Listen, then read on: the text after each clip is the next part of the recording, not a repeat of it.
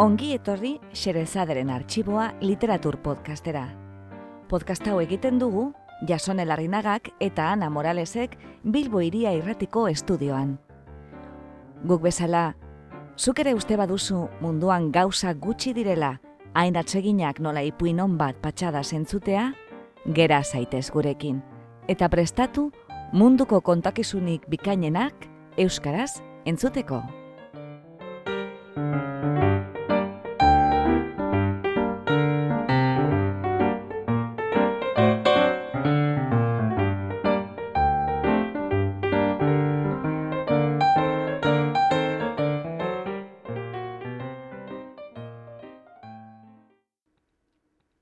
Gaur, Xerezaderen artxiboan, Shakespeare oianean. Egilea, Lora Bohanan, itzutzailea eta sarreraren egilea, Itziar Diez Deutzurrun.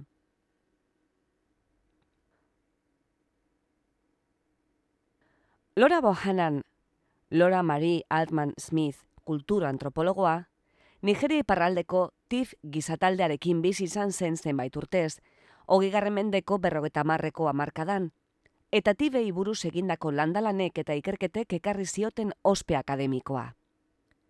Bohanan, kultur antropologoaz gain, Chicagoko Unibertsitateko irakasle eta American Anthropologist aldizkariko editorea izan zen. Asko dira Bohananek antropologiari egindako ekarpenak, ala nola bere ikerketetan ikuspuntu holistikoa erabiltzea, prozeso soziokulturalen dimentsio femenino oparoa asaleratzea, eta lanbideren betekizunek, jendearen ekintza ohitura eta bizitzen sokomoko guztietara sartu behar horrek, sortzen zizkioten keskez eta zalantzez idaztea. Liburu bat idatzi zuen mila bederatzion eta berrogeta malauan, Return to Laughter, landalana egitean izan zituen gatazka hori ez mintzatzeko nola egin bateragarri antropologoaren lana eta ikertuei zorzaien begirunea. Liburu hura landalanaren esperientziari buruz idatzi zen lehenetariko bat izan zen arren, ez izenez sinatuta eta eleberri bihurtuta argitaratu zuen. Beldur zelako, idatzi horrek esote zion ekarriko naigabeko ondoriorik bere ibilbide profesionalean. Nola aitortuko zituen, lanbidean gora egina izuen orduko antropologo batek, bere bihotzeko kontu horiek. Denbor hartan lan etnografiko errealistetan objektibotasuna izanik ezinbesteko baldintza. Larogeiko amarkadaz gerostik baizik ez dira ugalduko antropologian giza horretako lan autorreflexiboak. Bestetik, polbo hanan senarrarekin batera, TIF Economy idatzi zuen, mila bederatzeun eta irurogeta bederatzean, Heskovitz saria ekarri zien azterlana, Estatu batuetako ikerketa Afrikarren ekarteak, Afrikari buruzko urteko ikerketa lan onenari ematen dion saria. Hogei garren mendearen erdialdean, Lora Bohanan Afrikara joatekotan zela, adizkide ingeles batek Hamlet oparitu zion. Shakespeareen lan klasiko bikain horren bidez, aukera izan zezan batetik Hamleten benetako esan nahi beti erekoaz jabetzeko, estatu batuarrei nahiko txok ostatzen omen zitzaien eta Hamleten egiazko esanai unibertsala urertzea. Eta bestetik, Afrikako oianeko jende eta giro basaren erdian, Lora Bohananen burmuinak zibilizazioaren etxera egin zezan negan literatura jasoaren laguntzaz. Lorari ezitzaion lagunaren oharra sobera gustatu, izan ere, berak uste zuen giza izaera oso oso antzekoa dela mundu zabal osoan, tragedia handien bilbe nagusia eta gaiak garbi izango lirateke beti, edonon, naiz eta ohiturei buruzko xehetasun batzuk argitu behar izan, eta etzupen arazoek aldaketa txikiren bat ekarri. Alako egun batean, Tiferriskako buruzagi zaharrak antropologoa etengabe irakurtzen ari zen liburu horretako istorioa kontatzeko eskatu, eta horraz izen gure antropologoa Hamleten istorioa itzultzen eta hango testu inguru kulturalari egokitzen, entzuleek testuaren esanai zuzenaz jabe zitezen. Tiv herriko zaharrek, ordea, istorioa aditu eta gero, Hamleten beste esanai bat irakatzi nahiko diote bohanani. Benetako esanai zuzena, alegia. Antropologoa bere sorterrira itzultzean, bertako zaharrek ikus dezaten, ez dela besterik gabe oianaren erdian denbora pasan ibili, baizik eta jende jantzi, buru argi eta jakin zuen artean. Bohananek pasadizo hori kontatzen digu Shakespeare oianean, entzeguan, labur eta humorez. Mendebaldeko klasikoen unibertsaltasun ustezkoa, ez delako oraindik ere batzuek uste bezain unibertsala. Orain badakigu, gure lan kanonikoetan kanonikoak gure kultur produktuak direla. Bikainak behar bada, ziurrezko, baina gure kulturakoak beti ere. Mohananek mila bederatzeon eta irurogeta zeian argitaratu zuen artikulua, Natural History aldizkarian, eta garai hartan, esparru akademiko batzuetan, erlatibismo kulturala etzen paradigma nagusia. Orain badakigu, jakin beharko genuke, ez dagoela non nairako eta noiz nairako balio duen egia beti batekorik. Orain badakigu, edo susmoa dugu, bederen, etnozentrismoa bera dela agian gure kultur unibertsal bakarra. Mundua nok bere kultur logikaren arabera ulertze hori. Kulturantropologo guztiek bezala, Bohananek kulturritzutzaile lanean jardun behar izan zuen etengabe, tiben gana eta haien kulturaren nondik norakoetara hurbildu eta haiek ulertu izateko, horixe baita etnografia lanaren helburua, kultura bateko esanaiak, beste kultura bateko hartzailei itzultzea. Kulturitzulpenaren zailtasunak, ezin eskotasunak, soka luzeko gogoetak eragin ditu antropologo jendearen artean besteak beste. Shakespeare oianean testuak, aldiz, teoria eta gogoeta mamitzurik bat ere gabe ematen digu zailtasun horien berri. Erakutziz batzuetan, maiz, pasadizo bat askoz ere argiegarriagoa dela, bosteun horriko teorizazio sakon bat baino. Lorak tif jendeari Hamlet kontatzean, bertokoek beren ikus moldetara egokitu eta are biurrituko dute kontakizun osoa. Hamleten ustezko esanai beti bateko eta unibertsala hankaz goratuz. Tibak Hamletez jabetuko dira, bere egingo dute eta bere testu inguru kulturalera eramango. Bohanan itzulpen bikoitza egiten saiatuko da etengabe, hizkuntzen artekoa eta kulturen artekoa. Testua etxekotzen saiatuko da, entzuleeko beki uler dezaten, ustez eta azaleko aldaketa horiek ez dutela mamian aldaketarik ekarriko. Kontakizunean aurrera egina ala, baina, jatorrezko testuaren esanaiak negoziatu beharko ditu entzuleekin. Eta antropologoaren itzulpen negoziatu horren bidez, tipsaharrek Hamlet deseraikiko dute, atal ez atal, eta berriz osatuko gero. Tifak, ikerlari baten objektu izatetik, ikerlariaren, gure, kontakizuna interpretatzen duten subjektu bihurtuko zaizkigu. Eta gero, posik, arro, beren baitako Hamlet berritu bat itzuliko diote ikerlariari. Shakespeare oianean, metafora xume bat ere bada. Komunikazioaz eta inkomunikazioaz, elkar ulertu ezinaz, nok bere kategorietatik ateratzerik ez duenean.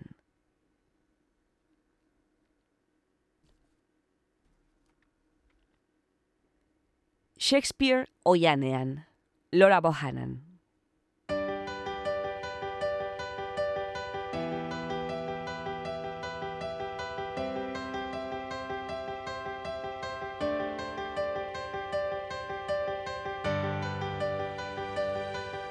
Afrika mendebaldeko tiben gana joateko anintzela, Oxfordetik abiatu baino lentxeago, Stratfordeko denboraldiari buruz izketan suertatu nintzen. Zuek Amerikarrek, esan zidan lagun batek, Shakespeareekin arazoak esaten dituzue maiz. Azken batean, poeta oso ingelesa zen, eta erreza da bate gaizki ulertzea unibertsala, partikularra gaizki ulertuzkero. Protesta egin nuen esanez giza izaera oso oso antzekoa dela mundu zabal osoan. Tragedia handien bilbe nagusia eta gaiak garbi izango lirateke beti, edo non, naiz eta oiturei buruzko xeetasun batzuk argitu behar izan, eta itzupen arazuek aldaketa txikiren bat ekarri. Burutu ezin genuen eztabaida ura amaitzeko, lagunak Hamleten kopia bat eman zidan. Afrikako janean azternezan. Hala, haren ustez, aukera izango nuen hango inguru primitibotik gora altxatzeko nire gogua, eta agian, luze meditatu eta gero, testua zuzen interpretatzeko graziaz jabetuko nintzen. Tribu Afrikar arengana egiten nuen bigarren landabidaia zen, eta iruditu zitzaidan presnengoela haien lurraldeko bizigune urrunenetako batean bizitzeko, oinez ere zeharkatzen zaila zen eskualdean. Azkenean, agure oso jakintzu baten muinoan kokatu nintzen. Eunda berrogei pertsona edo bizi ziren etxalde bateko burua zen, haide hurbilak edo haien emazteak eta seme alabak guzti guztiak. Inguruko beste zaharrek bezala, agureak tribuaren eskualde iritzi errazagoetan gaur egun nekez ikusten diren zeremoniak egiten ematen zuen denbora gehiena. Posposik nengoen. Laster, hiru hilabeteko derrigorrezko isolamendu aldia eta isialdia etorriko ziren, uraldien sasoia baino lentxeago egiten den uste biltzetik, urak bera joan ondoko soiltze lanak etorri artekoa. Orduan, pentsatzen nuen are denbora gehiago izango dute zeremoniak egiteko eta haiek niri esplikatzeko.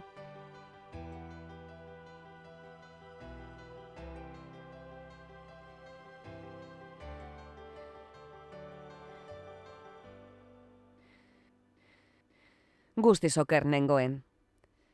Zeremonia gehienetarako, naita eskoa zen zenbait etxaldetako zaharrak etortzea. Zingire gora egin zutenean, zaharrei nekoso egia egiten zitzaien etxalde batetik bestera joatea, eta apurka-apurka, zeremoniak bukatu ziren. Zingira kare gehiago handitu zirenean, jarduera guztiak amaitu ziren bat izan ezik. Emakumeek harto eta harta txiki zerbeza prestatzen zuten. Gizonak, emakumeak eta aurrak bere muño eta neseri eta edan egiten zuten. Jendea egun sentian hasten zen edaten. Goizerdirako etxaldeko guztiak ari ziren abesten, dantzan eta danborrak jotzen. Euria ari zuenean, beren etxolen barnean egoten ziren. Han, edaten eta kantuan jarduten zuten, edo edaten eta historio kontari. Nola nahi ere, eguerdirako edo lehenago, festara bildu edo bestelan neure etxolara joan behar izaten nuen, nire liburuekin batek ez du gai serio ez hitz egiten zerbeza dagoenean. Etor zaite, zeran gurekin. Hango zerbeza lodi ura edateko zuten gaitasuna enuenez, gero eta denbora gehiago ematen nuen Hamletekin. Bigarren hilabetea bukatu baino lehen, nitaz jabetu zen grazia.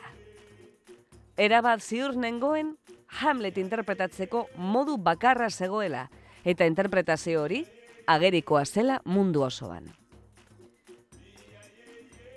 Egunero goizean goiz, zerbeza festa hasi aurretik, solasaldi serioren bat izateko esperantzaz, aguraren bila joaten nintzen haren arrera etxolara. Zutoin batzuk biribilean jarriak, lastosko teilatu bati eusten ziotenak, eta bustinasko horma txiki bat aizeaz eta euriaz babesteko. Egun batean, atari basua lauenka igaro, eta etxaldeko gizon gehienak aurkitu nituenan. Elkarren gainkan metatuta, arropa zarpailak soinean, aulki olesko oatze txiki eta jarleku etzangarrietan eserita, kea ugari zerion zu baten inguruan, euriaren hotzaz babestu nahian. Erdian, hiru zerbeza ontzi. Festa hasia zen. Agureak adeitzu agurtu ninduen. Eser zaitez eta edan. Zerbezaz beteriko kuia handi bat onartu nuen. Gopor txiki batean pixka bat zerbitzatu eta urrupa bakarrean edan nuen. Ondoren, gopor berean zerbeza gehiago zerbitzatu nuen adinez nire gonbidatzailearen ondotik zetorren gizonarentzat eta gero gizon gazte bati eman nion kuia, banaketarekin segitzeko. Jende garrantzitsuak, helioke bere buruari zerbetza zerbitzatu behar. Hobe da horrela, esan zuen agureak, niri honezpenez begiratu eta hilean itzatzia zitzaidan lasto izpi bat hartuz. Maizago etorri beharko zenuke gurekin edatera. Zure zerbitzariek esaten didate, gurekin ez zaudenean zure etxolan egoten zarela paper bati begira.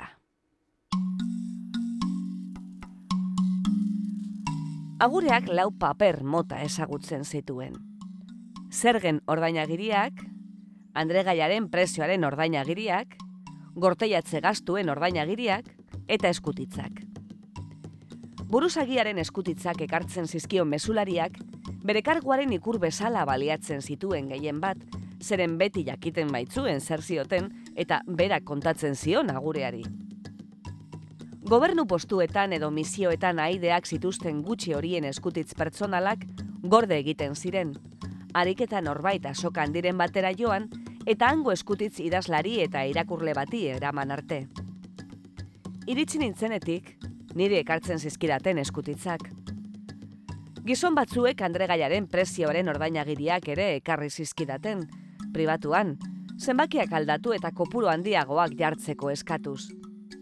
Konturatu nintzen, argudio moralak alferrekoak zirela. Eskonzen ideekin, joko garbia baitzen hori, eta zaila zela jende agrafoari asaltzea faltsutzearen arrisku teknikoak. Enuen nahi, pentsazezatela mota horretako paperei begira egun osoak emateko bezaintuntuna naizela, eta presaka argitu nien, nire paper hori nire herriko antzineko kontu horietako bat zela.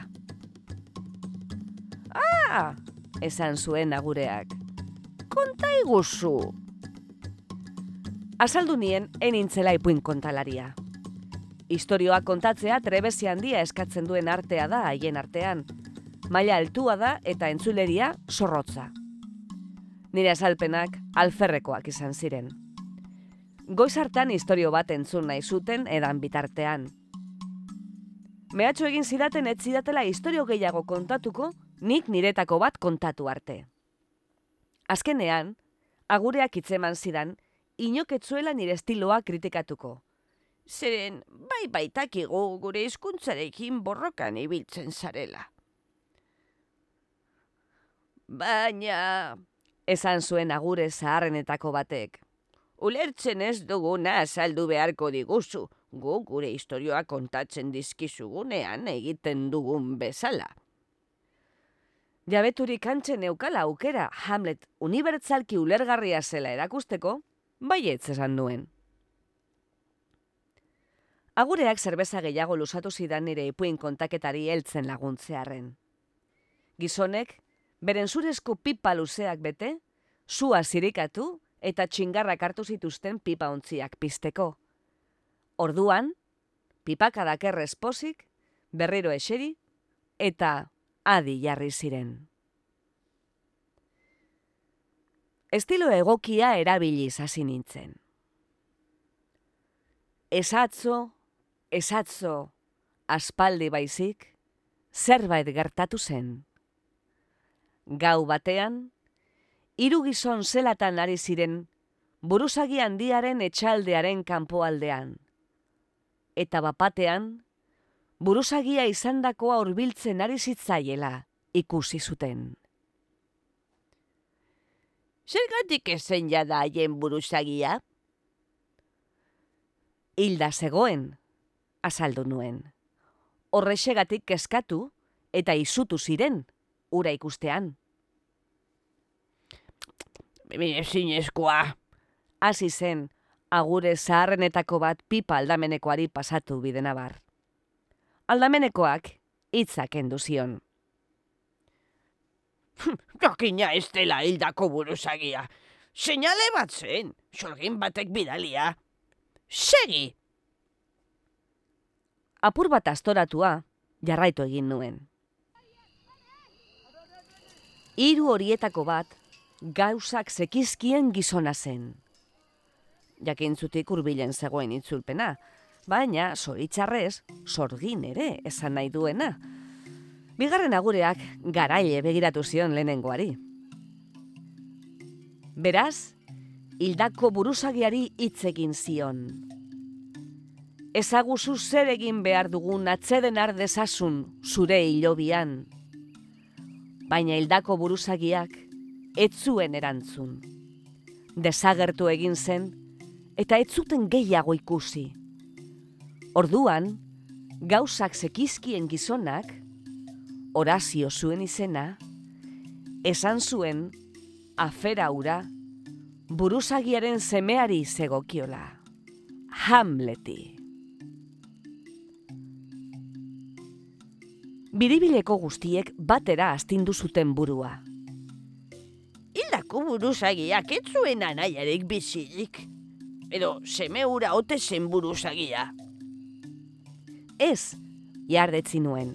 Zera, basuen anaia bat bizirik, buruzagi bihurtu zena anaia zaharrena hiltzean. Agurek marmar egin zuten. Seinale horiek buruzagien eta zaharren aferak ziren, ez gazteenak.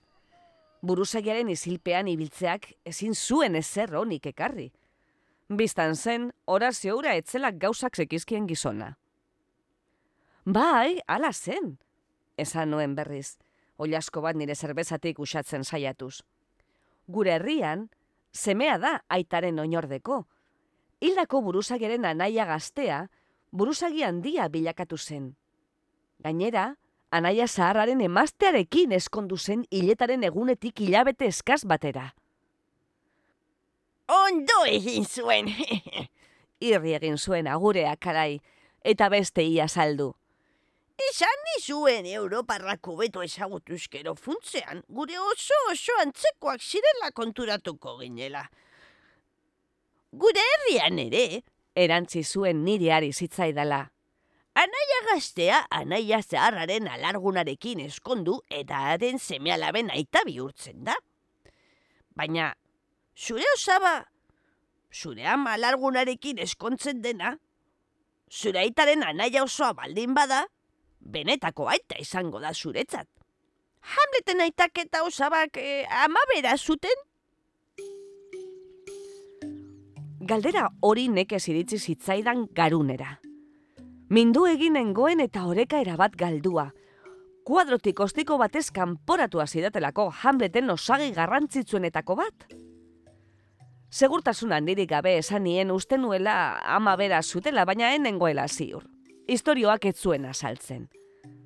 Agureak zorrotz esan zidan alako xeetasun genealogikoek dena aldatzen zutela, eta etxera itzultzean nire zaharrei galdetu beharko niela. Emazte gaztenetako bati oiuka deitu zion, ateaz bestaldetik, hauntz larruzko poltza ekar ziezaion. Amaren motiboaz ahal nuena salbatuko nuela erabakirik, arnaza sakon hartu eta berriz ekin nion. Hamlet semea oso triste zegoen ama hain azkar eskondu zelako berriz. Ez zuen inolako beharrik, eta gure ohitura da alargunak ez duela beste zenarrik hartzen, harik eta bi urteko dolu aldia egin arte. Bi urte sobera da? Kontra egin zuen emazteak, agurearen hauntz larruzko poltza maiztua ekarri zagertua baitzen. Noka itzurtuko dizkizu zure lurrak zenarrik gabe zauden bitartean. Hamlet, jardetzi nuen pentsatu gabe, aski handia zen amaren lurrak aitzurtzeko, ez zuen berriz eskondu beharrik. Ez zirudien, inor konbentzitu nuenik. Amore eman nuen. Amak eta buruzagi handiak, triste egoteko esan zioten Hamleti, buruzagi handia izango zela bere aita. Gainera, Hamlet izango zen urrengo buruzagia. Beraz, bertan gelditu beharra zeukan, buruzagien gauzak ikasteko. Hamletek gelditzea onartu zuen, eta gainerako guztiak zerbeza edatera joan ziren. Etenaldia egiten ari nintzela, jakin ezinik nola azaldu Hamleten bakarrizketa sumindua, entzule haiei, Claudio eta Gertrudek denik eta moduriko berenean jokatua zutela sinetzita zeuden eta, gizon gaztenetako batek galdetu zidan ia nor eskondu zen hildako buruzagiaren gainerako emazteekin. Etzuen beste emazterik, erantzun nion.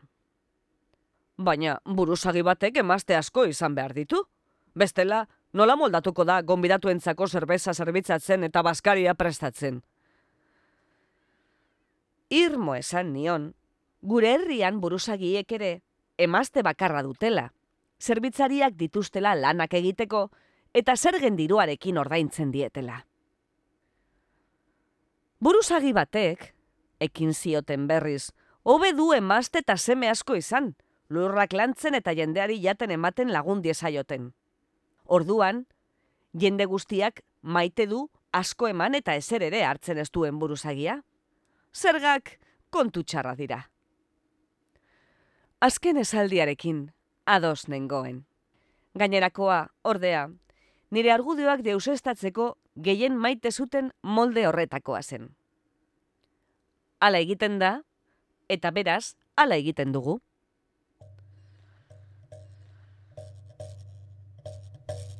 bakarrizketa ez kontatzea erabaki nuen. Naiz eta oso nesgarria izan, Claudio, anaiaren alargunarekin eskondu izana, hortxe zegoen posoiaren gaia ere, eta banekien fratrizidioa gaitzetziko zutena. Itxaropen zuago berrizekin nion. Gau hartan, Hamlet zelatan gelditu zen aitasena ikusi zuten hiru gizon haiekin. Hildako buruzagia berriro agertu zen eta besteak izutu ziren arren, Hamlet haren atzetik aldendu zen. Bakarri gelditu zirenean, Hamleten aita izketan hasi zitzaion. Seinaleek ezin dute berbarik egin, esan zuen agureak tinko. Hildako aita etzen seinale bat. Ura ikusita, irudiluke seinale bat zela, baina etzen ala. Nik ematen nuen bezain nahazita ziruditen entzuleek ere. Hamleten aita hila zen. Mamua esaten diogu guk. Ingeresesko hitza erabili behar izan nuen, zeren inguruetako tribu askok ez bezala, Jende horrek ez zuen sinesten eriotzaren ondotik bizirik zidauenik nortasunaren inongo atal bere izgarririk. Zer da mamu bat? Seinale bat? Ez, mamu bat da hilda dagoen norbait, baina aratona dabilena eta hitz egiterik ere baduena. Jendeak entzun diezaioke eta ikus dezake, baina ezin du ukitu.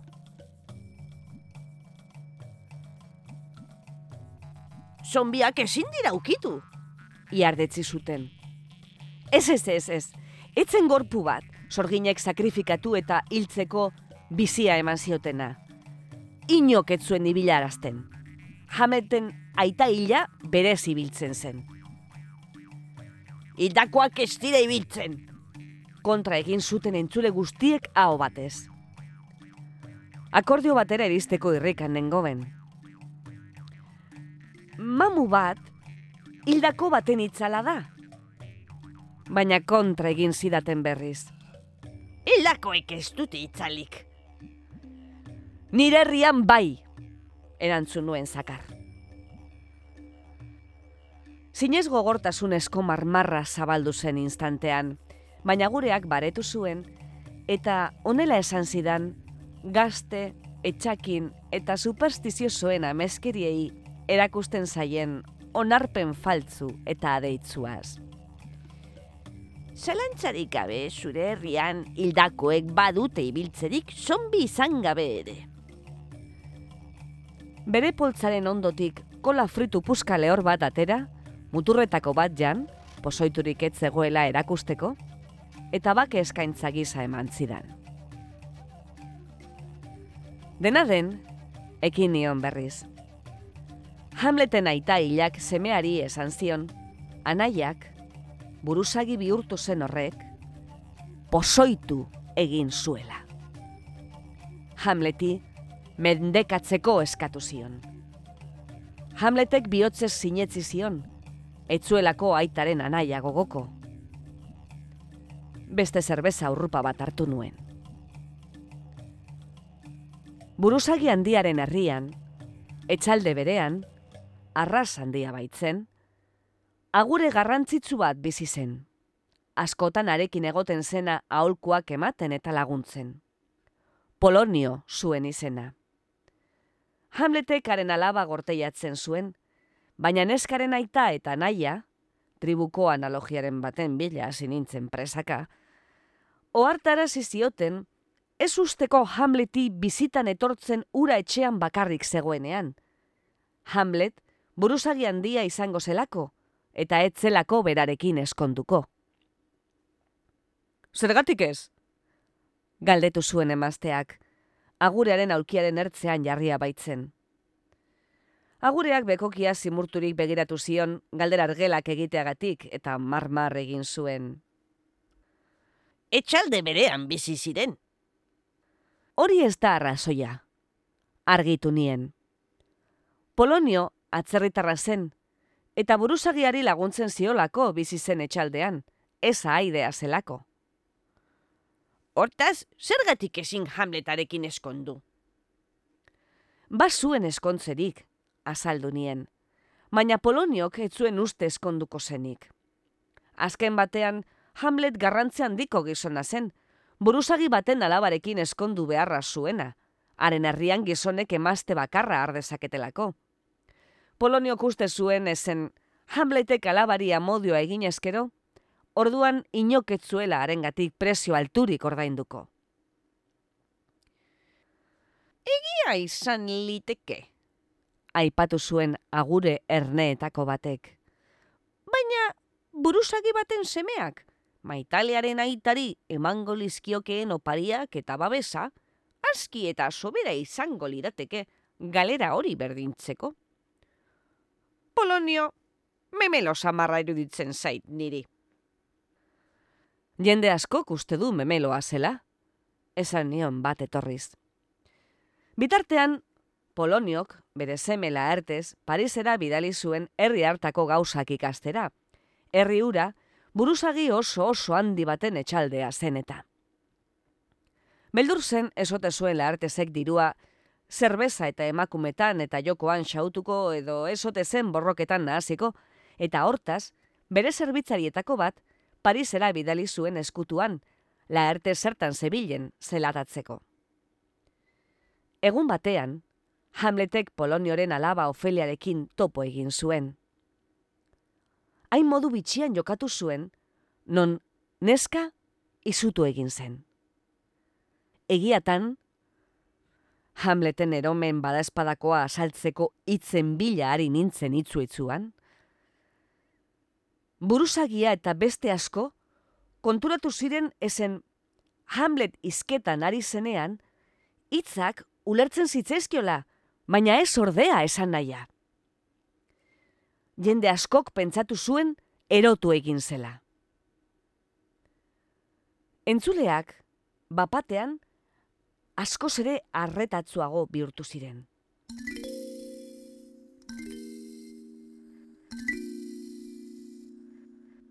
Buruzagi handia jakina izuen zer gertatzen zitzaion Hamleti. Eta beraz, agindu zuenaren adinkide bi, eskolakide hitzak azalpen luzea eskatuko zuen, ekar zitzatela Hamletekin berba egin zezaten bihotzean zeukan keska argitzeko. Poloniok, ala ere, ekin eta ekin segitzen zuen ezaka, Hamlet Ofeliarekin maite minduta zegoela eta erotua zela ura ikusteaga galarazi ziotelako. Zergatik nahiko zuen inok Hamlet sorgindu arrazoi horrengatik. Galdegin zuen ahots harritu batek. Sorgindu? Bai, zurginkiriak bakarrik erotu dezake norbait. Non eta batek ez dituen basoan gordetzen diren izakiak ikusi jakina. Ipuin kontalaria izateari utzi, kuaderno atera, eta eromena zorrarazteko bi modu hoiei buruzko azalpen gehiago eskatu nituen. Haiek izketan eta ni oharrak hartzen ari ginen bitartean ere, faktore berri horrek bilbean izango zuen eragina kalkulatzen saiatu nintzen. Hamlet etzegoen basoan gordetzen diren izakien eraginpean. Gizonen bidezko aideek bakarrik sorgindu zezaketen. Shakespearek aipatu gabeko aideak alde batera utzita, Claudio baino ezin izan, ari kalte egiten saiatzen ari zena. Eta bera zen, jakina. Momentuz, galderak saiestu nituen esanez, buruzagi handiak ere etzuela sinesten Hamlet erotua zenik Ofeliaren maitasunaren gatik besterik gabe. Ziur zegoen, asko ere kezka garrantzitsuago batek, nahi gabetzen zuela Hamleten bihotza. Beraz, Hamleten adinkideek, jarraitu nuen, ipuin kontalari famatu bat ekarri zuten beraiekin. Hamletek erabaki zuen gizonark, buruzagiari eta etxaldeko gainerakoei kontatuko ziela, nola behin bazen gizon bat, anaia posoitu zuena, anaiaren emaztea desiratzen zuelako, eta berau buruzagi bihurtu nahi zuelako. Hamlet ziur zen, ezen, benetako erruduna izan ezkero, buruzagi handiak ezin izango zuela istorioa entzun keinurik egin gabe, eta orduan jakingo zuela aitak egia esan zion ala ez. Agureak niri eten eta argitasun zorrotzez galdetu zuen. Zergatik esango zion aita batek semeari gezurra? Hamletek etzekien ziur hildako aita ote zen benetan. Itzulin guruka ni. Ezin zen, hizkuntza hartan, deabroak eragindako ikuskariei buruz ezer esatea.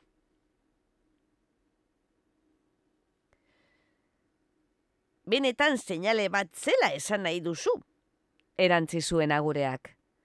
Eta ark basekiela sorginek batzuetan seinale faltzuak bidaltzen dituztela.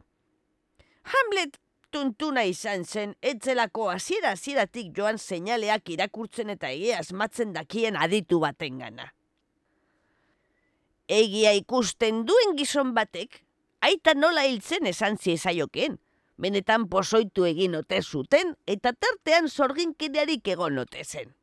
Orduan Hamletek zaharren gana joal izango zuen afera konpontzeko agur ernea bestearekin bat ez etortzera ausartu zen. Aitaren anaia, buruzagi handi bat zenez, egia ikusten duen gizona, haren beldur izan zitekeen, nire uste zorrasegatik bidali zuen Hamleten aitaren lagun batek, lagun zorgin eta zahar batek, seinale bat, lagunaren semeak jakin zezan. Seinalea, benetakoa zen, Bai, esan nuen, mamuak eta deabrua baster utzirik. Seinaleak sorgin batek bidalitakoa izan behar zuen ezinbestean. Benetakoa zen, zeren, ipuin kontalaria etxalde guztiaren aurrean istorioa kontatzen ari zela, buruzagi handia ikaraturik zutitu zen. Hamletek sekretua jakingo ote zuen beldurrez, ura hiltzea erabaki zuen. Urrengo zatiari zegokion agerraldiak itzulpen arazo batzuk zeuzkan. Zur hasi nintzen. Buruzagi handiak Hamleten amari eskatu zion, esan arazi ziezaiola semeari zer zekien. Baina ama baten bihotzean, seme alabak lehenak izaten diren ez beti, Hamleten amaren lotarako etxolaren orman zintzilik zeuden arropa batzuen atzean eskutarazi zuen Polonio agure prestua. Hamlet amari agireka azizitzaion egindakoagatik. Arridurazko marmar bat atera zen guztion naotik. Gizon batek ezin dio amari agireka egin inoiz. Ama garrasika hasi zen ikaraz, eta Polonio erroparen atzean mugitu zen. Hamletek arratoia oiukatzearekin batera, aiotz hartu eta sastakada jozion arropari. Eten aldia egin nuen, efektu dramatikoaren bila. Polonio hil zuen. Agureek elkarri begiratu zioten zeharo zeharo suminduta. Polonio hori memelo utza zen eta ezer ere etzekien gizona. Ume batek badaki aski duela, neu naiz esatearekin. Larriturik oroitu nintzen jende horiek eiztari zutzuak direla, arkua, geziak eta aiotza beti soinean. Sasietan farfar bat aditu orduko gezia destatu eta preste goten da, eta iztariak prest oiukatzen du. Giza hotzen batek berehala erantzuten espadu, geziak bere bidea egiten du. Eiztari on guztiek bezala, Hamletek arratoia egin zuen oiu. Polonioren ospea salbatzen saiatu nintzen. Polonio mintzatu egin zen. Hamletek entzun zion. Baina buruzagia zela pentsatu zuen eta hil nahi izan zuen aita mendekatzeko.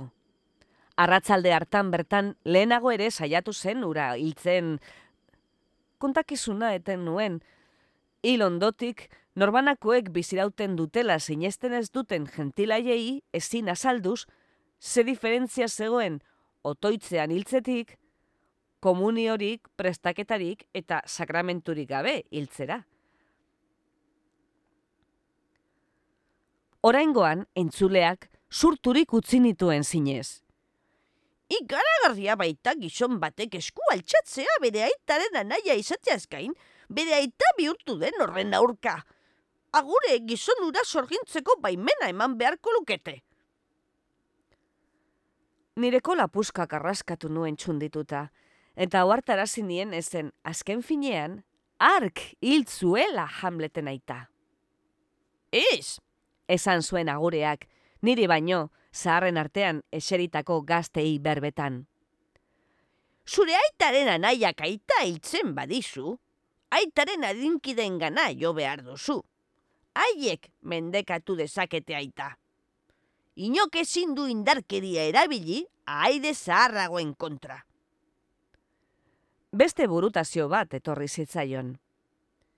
Baina aitaren anaia, Hamlet sorgindu eta erotzeko bezain maltzurra izan balitz, orduan historioa oso ona litzateke, zeren errua berea izango bailitzateke, Hamlet erotu bazen eta aitaren anaia hiltzeraino burua galdu bazuen. Onespen marmar bat aditu zen. Hamlet historio ona zela uste zuten berriz, baina niri ez hitzaidan jada historio berbera iruditzen. Bilbe eta gaiaren urrengo zailtasunak nerabiltzala buruan, adorea galdu eta erabaki nuen eremu arriskutzua asaletik baino ez aipatzea. Buruzagi handia jarraitu nuen.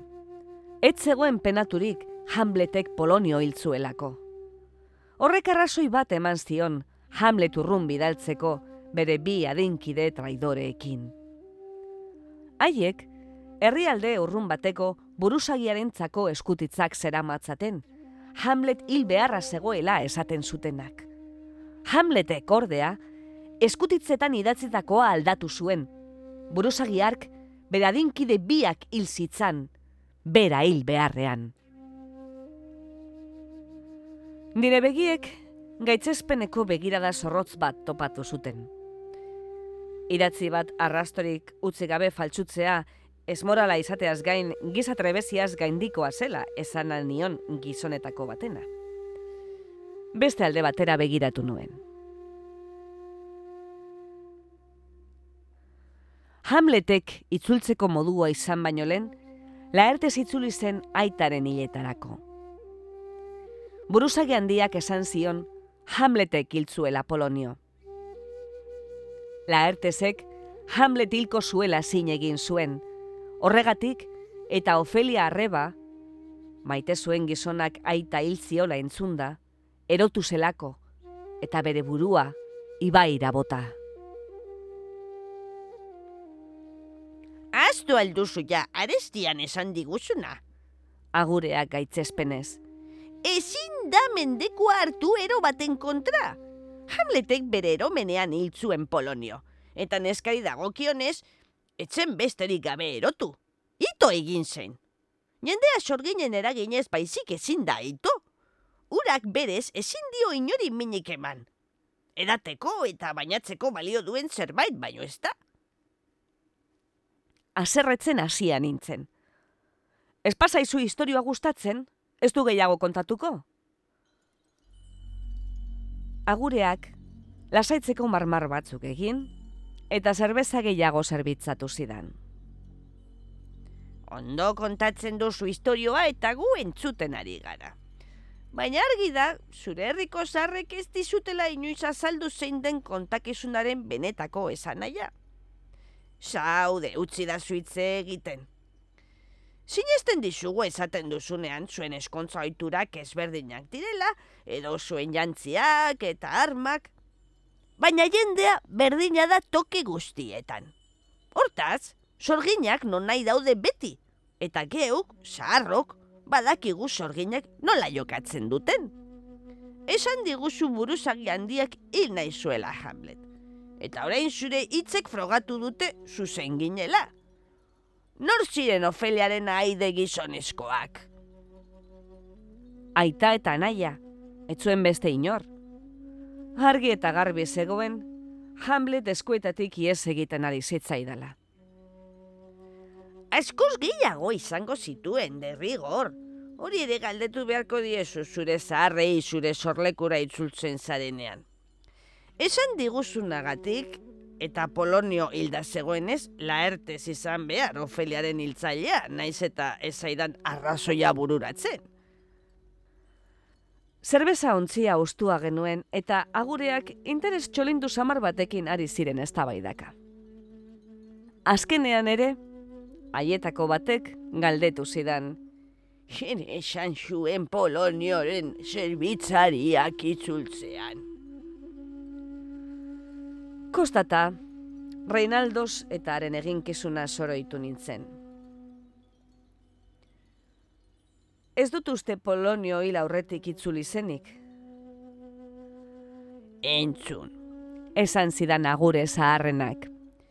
nik azalduko dizut, nola gertatu zen zure historio hori eta nola jarraitzen duen, eta ondotik zuk esan zuzen otenagoen. Poloniok bazekien zeme arazoetan zartuko zela, eta alaxe izan zen. Izun asko zituen ordaintzeko, borroketan nasteagatik eta zorrak jokoan ibiltzeagatik. Eta bide bi baino ez zituen dirua askar lortzeko.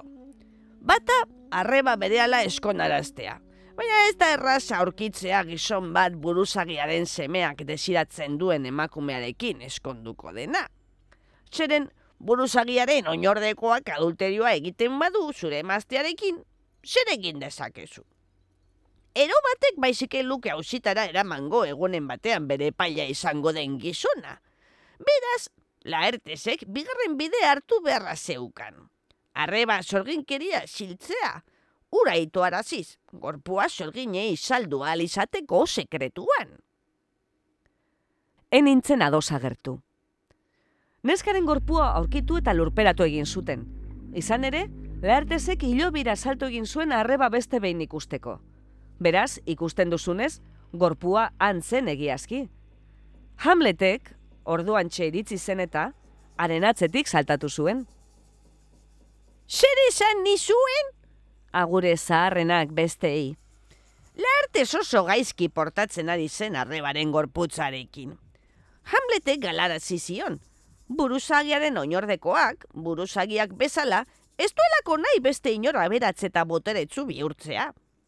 Laertez aserretu egingo zen, arreba zuelako beretzat inolako onurarik lortu gabe. Gure herrian Hamlet hiltzen saiatzeko moduko arrazoia izango zen. Horixe izan altzen gertatutakoa? Gutxi gora bera, onartu nuen. Buruzagi handiak jakin zuenean Hamlet bizirik zegoela, lagertez ura hiltzen saiatzera adoretu zuen, eta aiotzen borroka bat antolatu zuen haien artean. Borroka zaurien ondorioz, hiltzorian gelditu ziren gazte biak. Hamleten amak zerbeza posoitu bat edan zuen, buruzagiak Hamletentzat prestatua zuena borrokan garaila ateratzen bazen ere. Ama posoiturik hiltzen ikusita, Hamlet hiltzorian, aiotzarekin aitaren anaia hiltzea lortu zuen. Ikusten, arrazoi nuen! Deiadaregin zuen agure zaharrenak. Oso historio ona da. Erantzi zuen buruzagi zaharrak. Eta oso oker gutxirekin kontatu duzu. Beste oker bat gehiago baizik ez zegoen, bukaera bukaeran. Hamleten amak edandako pozoiura, zalantzarik gabe, borrokatik bizirik ateratzen zenarentzat zen, zen nahi zela ere. Laertezek irabazi izan balu, buruzage handiak pozoitu egingo zuen, inok jakin etze zan bera kantolatu zuela Hamleten eriotza. Ola, gainera, etzen laertezen sorginkeriaren beldurri izango. Bihotz gogorra behar da norberaren arreba sorginkeria asiltzeko. Egunen batean, Bukatu zuen agureak, bere toga sarpailean biltzen zela. zure herriko historio gehiago kontatu behar dizkiguzu. Guk, zaharrak garata, haien benetako esan nahia irakatziko dizugu. Zure sorlekura itzultzerakoan, zure herriko zaharrek ikus dezaten, etzarela besterik gabe oianean egon. Baizik eta gauzak dakizkiten eta jakinduria erakutsi dizuten jendeen artean.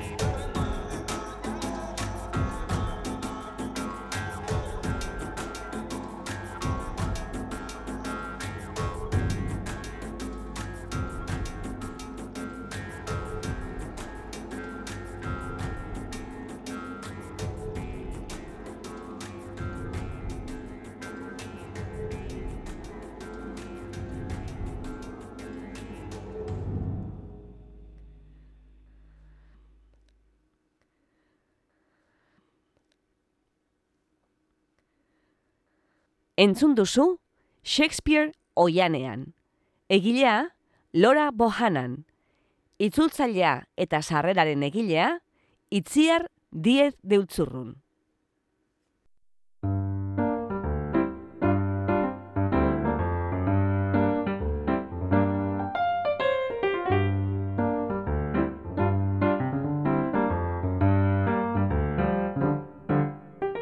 Xerezaderen artxiboko beste atal bat entzun duzu.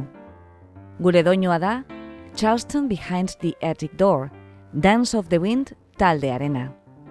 Besterik adierazi ezean, gure musikak jamendo.cometik hartuak dira, eta soinu efektuak berriz freesound.cometik ateratakoak.